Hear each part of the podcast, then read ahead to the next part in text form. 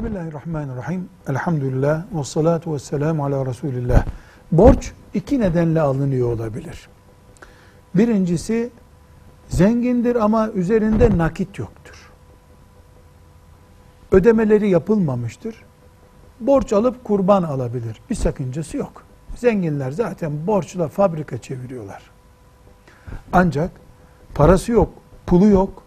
Herkes kurban kestiği için ya da yıllardır biz de kesiyor olduğumuz için bu sene kesecek durumumuz olmadığı halde borç alıp borç riskine girip kurban kesmenin bir manası yoktur.